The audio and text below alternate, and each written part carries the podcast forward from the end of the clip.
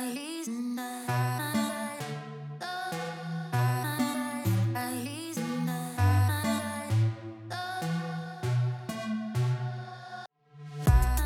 selamat jumpa kembali pada podcast Ini Koper. Inspirasi untuk komunitas perubahan. Saya Dani Wahyu Munggoro dari Inspirasi Tanpa Batas. Saya ingin cerita hari ini saya diminta untuk memberikan materi tentang vibrant facilitation pada sebuah organisasi sangat besar ya. Ini organisasi internasional disebut FHI 360. Nah, organisasi ini sebenarnya tidak asing bagi Inspirit karena pada tahun 2007 kita mulai berkolaborasi dengan FHI. Belum pakai 360 ya. Nah, programnya memang kaitannya dengan kesehatan. Pada saat itu kita mulai dengan meminta mereka mengirimkan dua orang untuk hadir pada Vibrant Facilitation Training batch yang ketujuh. Nah kedua orang ini kemudian me, apa, menjual atau memasarkan bahwa Vibrant cocok untuk program ASA yang didanai oleh FHI. Nah, program ASA ini ada di berbagai kota dan kita melatih hampir berapa ya? Mungkin ada 300 orang gitu. Dan mereka bahkan ada jenjang mulai dari yang basic sampai ke yang advance. Nah, pada saat itu memang ada pemikiran Vibrant akan menjadi medium ya di dalam mereka membantu banyak organisasi masyarakat sipil yang bergerak di bidang kesehatan salah satunya dengan isu HIV AIDS yang pada saat itu masih sangat ya menakutkan, ada salah persepsi dan sebagainya sehingga penanganan di Indonesia itu tidak begitu efektif. Nah 15 tahun kemudian tiba-tiba dua minggu yang lalu ada undangan untuk bisa sharing berbagi tentang vibrant facilitation pada tim mereka. Nah bagi saya sebenarnya adalah juga lucu ya karena mereka sebenarnya secara tim itu sudah terlatih semuanya tentang vibrant jadi kadang suka menantang juga ya kalau ada panggilan dari para alumni. Nah, tadi pagi saya ke ke lokasi mereka pertemuan dan saya masuk ruangannya ternyata ada banyak tempelan gambar-gambar dari majalah bekas gitu. Jadi saya kadang tadi sebelum mulai kelas, wow, mereka tentunya sudah vibrant dong karena sudah menggunakan alat bantu visual. Nah rupanya bahwa tim mereka selama ini masih kerja dalam format hybrid ya. Jadi lebih banyak kerja dari rumah tapi juga kurang tahu apakah seminggu sekali atau seminggu tiga kali mereka harus bertemu. Tetapi semangatnya masih memang bekerja dari dari rumah. Itu semacam kebijakan organisasi mereka ya.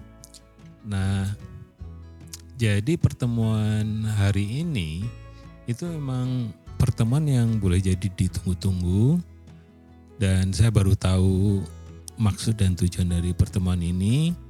Jadi semacam outing, cuma ya juga harus ada alasan kenapa harus melakukan outing. Jadi Inspirit diundang untuk bisa sharing tentang vibrant facilitation hanya tantangan saya adalah apakah memberikan dalam bentuk yang formal atau sebenarnya langsung praktek saja.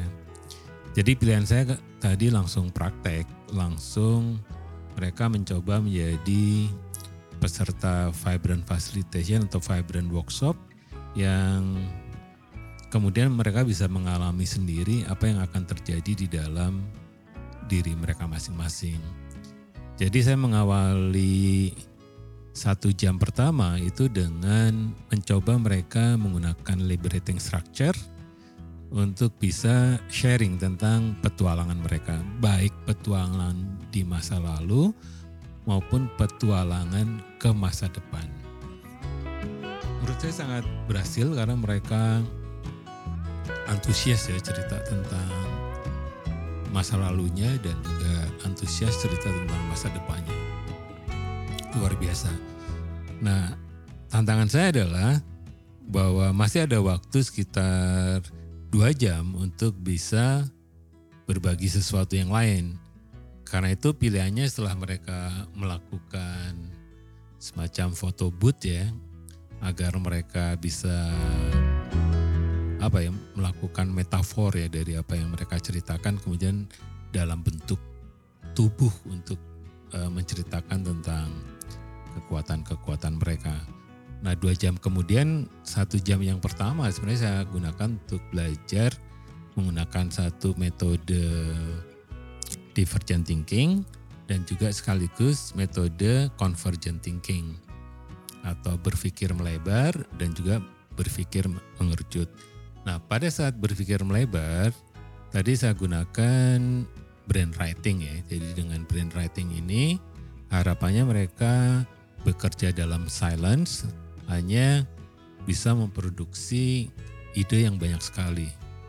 Jadi di tiap meja itu mereka bisa mengeksplorasi ide itu lebih dari 100. Padahal hanya enam orang. Jadi menurut saya dengan cara brain writing paling tidak memang ada cara berpikir yang out of the box. Biasanya pada putaran kelima atau keenam itu mulai ide-idenya liar dan mereka katakan itu pada saat refleksi bahwa mereka memilih ide-ide di mulai putar, putaran kelima atau putaran yang keenam karena idenya semakin liar.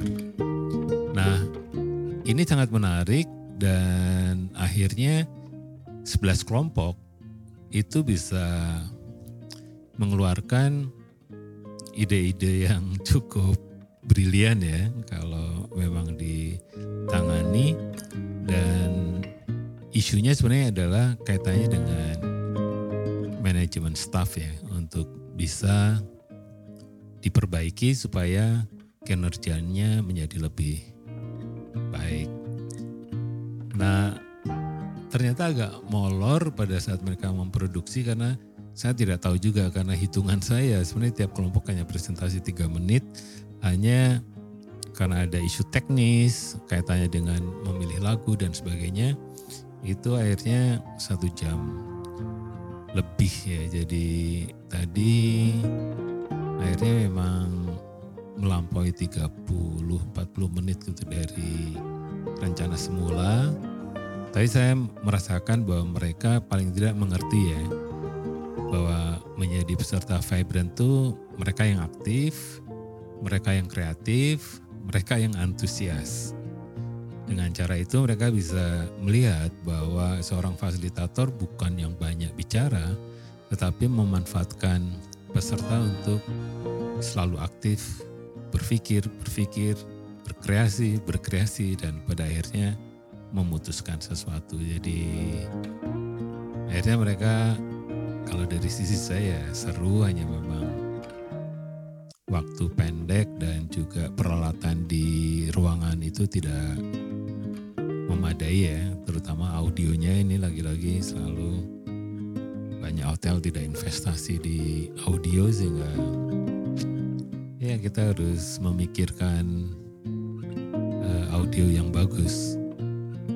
Tapi sebenarnya saya bawa audio di mobil hanya tadi sempat melihat ruangannya kelihatannya cukup deh dengan apa mixer dan juga speaker yang adanya ketika menggunakan musik dari komputer dan juga dari HP itu ternyata problematik karena kadang keras kadang hilang, kadang juga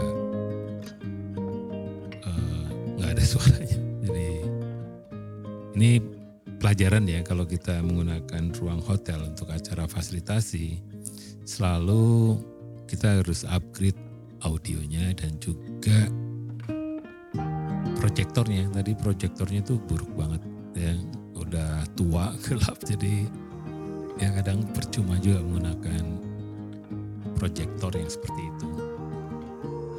Jadi hari ini belajar banyak dari para alumni ya, karena itu